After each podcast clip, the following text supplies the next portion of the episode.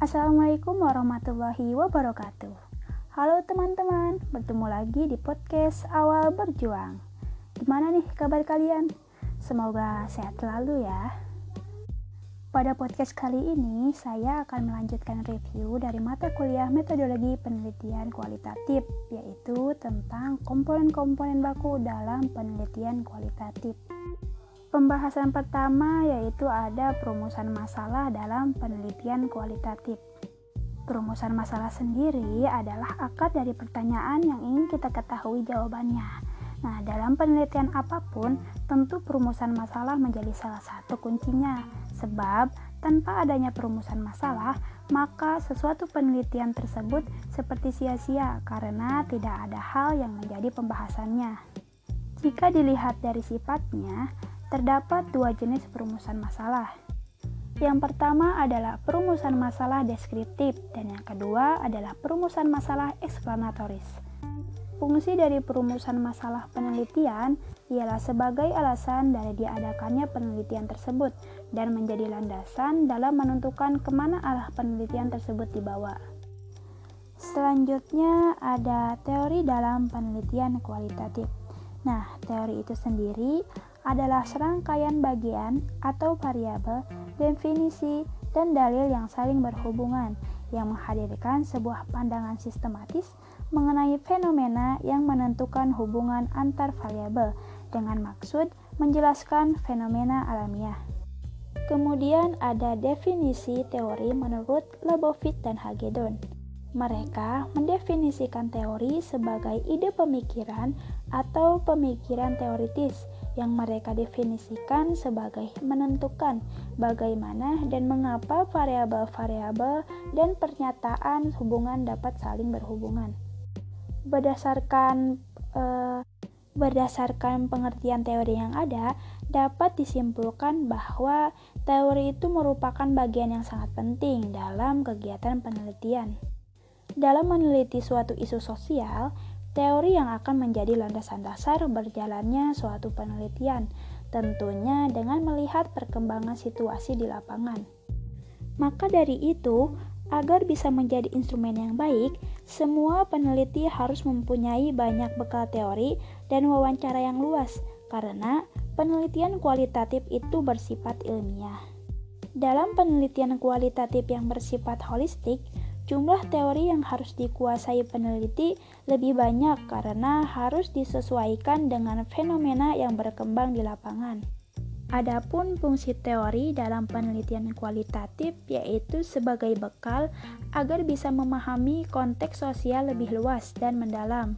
Dalam penelitian kualitatif, karena permasalahan yang dibawa peneliti itu masih bersifat sementara, jadi, teori yang digunakan dalam penelitian juga masih bersifat sementara dan akan berkembang setelah peneliti memasuki lapangan. Dalam penelitian kualitatif, teori juga diartikan sebagai paradigma. Seorang peneliti dalam kegiatan penelitiannya, baik dinyatakan secara eksplisit maupun tidak, menerapkan paradigma tertentu sehingga penelitian menjadi terarah Dasar teori dalam pendekatan kualitatif ini ada empat. Yang pertama itu pendekatan fenomenologis. Dalam pendekatan ini, peneliti berusaha memahami arti peristiwa dan kaitan-kaitannya terhadap situasi tertentu. Yang kedua yaitu pendekatan ekstraksi simbolik. Dalam pendekatan ini, peneliti berusaha memahami simbol-simbol dan pemaknaan yang muncul untuk memaknai interaksi sosial. Yang ketiga, ada pendekatan kebudayaan. Dalam pendekatan ini, peneliti berusaha sebagaimana baiknya berperilaku dalam suatu latar kebudayaan. Dan yang terakhir, ada pendekatan etnometodologi. Dalam pendekatan etnometodologi ini, peneliti berupaya untuk memahami bagaimana masyarakat memandang dan menggambarkan tata hidup mereka sendiri. Selanjutnya ada hipotesis dalam penelitian kualitatif. Ditinjau secara etimologis, hipotesis adalah perpaduan dua kata, yaitu hipo dan desis. Hipo berarti kurang dari dan desis adalah pendapat atau tesis. Jadi, secara harfiah, Hipotesis dapat diartikan sebagai suatu kesimpulan sementara, suatu pendapat yang belum final karena masih harus dibuktikan kebenarannya. Pentingnya hipotesis dalam suatu penelitian kualitatif tidaklah diragukan lagi. Dikaitkan dengan fungsinya, hipotesis untuk membantu dan menuntun dalam memahami kejadian dan peristiwa yang akan diteliti. Hipotesis yang disusun secara benar berdasarkan teori yang ada akan membimbing peneliti menjadi lebih terarah dan terfokus, baik ditinjau dari informasi yang dikumpulkan maupun teknis analisis yang akan digunakan dalam pengolahan data. Nah, untuk dapat mengungkapkan hipotesis dengan benar, peneliti harus memahami terlebih dahulu pola hubungan yang terdapat dan mungkin terjadi hipotesis yang benar akan memberikan arah yang tepat dalam penelitian. Begitu juga sebaliknya, penyusunan hipotesis yang tidak benar dapat menimbulkan bias pada hasil penelitian. Kemudian ada beberapa kriteria yang dapat digunakan dalam perumusan dan penyusunan hipotesis secara benar yaitu hipotesis hendaklah menyatakan dua variabel atau lebih. Variabel dalam hipotesis harus jelas secara konseptual, dapat diuji secara empiris, hipotesis harus spesifik, Hipotesis yang disusun hendaklah dapat dibuktikan dengan teknik yang tersedia. Hipotesis hendaklah bersumber dari atau dihubungkan dengan teori. Hipotesis adalah bebas nilai-nilai dan hipotesis hendaklah dirumuskan dalam bentuk pernyataan sederhana dan operasional. Kemudian ada jenis-jenis hipotesis. Berdasarkan bentuknya, hipotesis itu dibentuk dalam empat bentuk. Yang pertama ada hipotesis penelitian. Fungsi dari hipotesis penelitian yaitu memberikan jawaban sementara terhadap rumusan masalah. Hipotesis ini tidak harus mutlak kebenarannya dan tidak diperlukan pengujian menggunakan teknik statistik karena memang fungsi utamanya hanya untuk memberikan jawaban sementara. Yang kedua ada hipotesis statistika. Hipotesis ini digunakan jika peneliti melakukan uji analisa dengan hanya menggunakan sebagian dari keseluruhan data yang ada. Yang ketiga ada hipotesis argumentasi. Hipotesis argumentasi ini adalah dugaan sementara mengenai sebab terjadinya suatu peristiwa, benda-benda, atau variabel-variabel Bentuknya berupa dari pernyataan-pernyataan atau berupa kesimpulan dari pernyataan sebelumnya. Dan yang terakhir ada hipotesis kerja. Nah, hipotesis kerja ini adalah hipotesis dugaan sementara tentang akibat terjadinya suatu variabel atas variabel yang lain.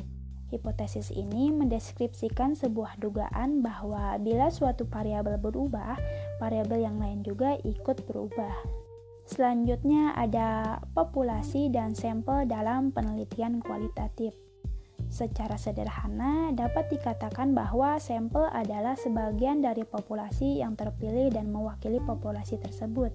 Sebagian atau mewakili dalam batas merujuk kepada semua ciri populasi dalam jumlah yang terbatas pada masing-masing kriterianya. Sugiono menyatakan bahwa sampel adalah sebagian dari jumlah populasi dan karakteristik yang dimiliki oleh populasi. Bila populasi besar, peneliti tidak mungkin mempelajari semua yang ada pada populasi. Misalnya, karena terbatasnya dana, tenaga, dan waktu, maka peneliti itu akan menggunakan sampel yang diambil dari populasi itu. Sampel atau contoh adalah sebagian dari populasi yang karakteristiknya hendak diteliti. Hadi menyatakan bahwa sampel dalam suatu penelitian itu timbul disebabkan oleh dua hal. Yang pertama, peneliti bermaksud mereduksi objek penelitian sebagai akibat dari besarnya jumlah populasi, sehingga harus meneliti sebagian saja. Yang kedua, Penelitian bermaksud mengadakan generalisasi dari hasil-hasil kepenelitiannya. Adapun SAK mengemukakan bahwa sampel adalah suatu jumlah yang terbatas dari unsur yang terpilih dari suatu populasi. Unsur tersebut hendaklah mewakili populasi. Kemudian ada ciri-ciri sampel yang baik adalah yang pertama, sampel itu dipilih dengan cara hati-hati dengan menggunakan cara tertentu dengan benar. Yang kedua, sampel harus mewakili populasi, sehingga gambaran yang diberikan mewakili keseluruhan karakteristik yang terdapat pada populasi. Dan yang terakhir, besar ukuran sampel hendaklah mempertimbangkan tingkat kesalahan sampel yang dapat ditoleransi dan tingkat kepercayaan yang dapat diterima secara statistik. Populasi berasal dari bahasa Inggris, yaitu population, yang berarti jumlah penduduk. Sugiono memberikan pengertian tentang populasi, yaitu populasi adalah wilayah generalisasi yang terdiri atas objek atau subjek yang mempunyai kualitas dan karakteristik tertentu dan ditetapkan oleh peneliti untuk dipelajari kemudian ditarik kesimpulannya. Menurut Margono, populasi adalah seluruh data yang menjadi perhatian kita dalam suatu ruang lingkup dan waktu yang kita tentukan. Jadi, populasi berhubungan dengan data, bukan dengan manusianya. Sebagian orang mungkin mengira bahwa populasi yang dimaksud adalah makhluk hidup atau manusia. Padahal, populasi dalam dunia penelitian itu sifatnya umum. Populasi bukan sekedar jumlah subjek atau objek yang kemudian dipelajari dan diteliti, tetapi populasi harus bisa menunjukkan sifat-sifat dan semua karakter yang dimiliki oleh subjek atau objek yang akan diteliti tersebut. Jadi, populasi bukan hanya orang, tapi juga objek dan benda-benda alam yang lainnya. Secara umum, dapat dikatakan beberapa karakteristik populasi, yaitu yang pertama merupakan keseluruhan dari unit analisis sesuai dengan informasi yang diinginkan. Yang kedua, berupa manusia, hewan, tumbuhan-tumbuhan, benda atau objek maupun kejadian yang terdapat dalam suatu area atau daerah tertentu yang telah diterapkan. Yang ketiga, merupakan batas yang mempunyai sifat tertentu yang memungkinkan peneliti menarik kesimpulan dari keadaan itu. Dan yang keempat, memberikan pedoman kepada apa atau siapa hasil penelitian itu dapat digeneralisasikan. Populasi juga dapat digolongkan dalam dua jenis, yang pertama ada populasi terbatas, yaitu populasi yang memiliki sumber data yang jelas batas-batasannya. Maksudnya adalah objek penelitian yang dapat dihitung seperti jumlah ternak, jumlah murid, dan sebagainya. Yang kedua ada populasi tak terhingga, yaitu populasi yang memiliki sumber data yang tidak dapat ditentukan batas-batasannya. Maksudnya adalah objek penelitian yang mempunyai jumlah tak terbatas atau sulit dihitung jumlahnya, seperti air, pasir di pantai, dan sebagainya. Kemudian yang terakhir ada analisis data dalam penelitian kualitatif. Sebelum kita memasuki pembahasan mengenai analisis data, saya akan terlebih dahulu menjelaskan dengan singkat pengertian dari analisis data dan analisis data. Analisis adalah suatu proses penguraian atau pemecahan, lalu data ialah kumpulan dari berbagai informasi. Dapat disimpulkan bahwa pengertian analisis data ialah suatu proses penguraian dari berbagai informasi agar nantinya dapat dipahami dan bermanfaat.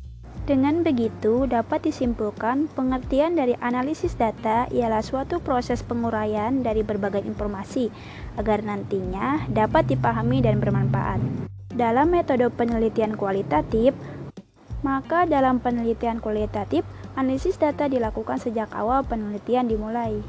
Jika berdasarkan sifatnya, data dalam penelitian kualitatif berupa angka-angka yang dapat diperoleh dari kuesioner, Sedangkan data dalam penelitian kualitatif berupa kata-kata atau pernyataan yang diperoleh dari wawancara, yaitu primer dan sekunder. Yang terakhir, data dapat diklarifikasi berdasarkan skala pengukurannya, yaitu data normal, ordinal, interval, dan rasio. Mereduksi data adalah mengambil data yang penting dalam penelitian tersebut hingga nantinya kesimpulan akhir dapat lebih dipahami. Dalam mereduksi data-data yang sudah ada, hal yang selanjutnya dilakukan adalah menyusun kesimpulan data tersebut menjadi bagan. Yang terakhir ialah menarik kesimpulan dari data-data yang sudah diteliti. Dalam hal ini, peneliti harus jujur pada hasil penelitiannya, tidak boleh sedikit pun memasukkan hal yang subjektif pada penelitiannya. Mungkin hanya itu yang dapat saya sampaikan. Terima kasih untuk yang sudah mendengarkan. Tetap jaga kesehatannya ya, dan tetap diam di rumah. Wassalamualaikum warahmatullahi wabarakatuh.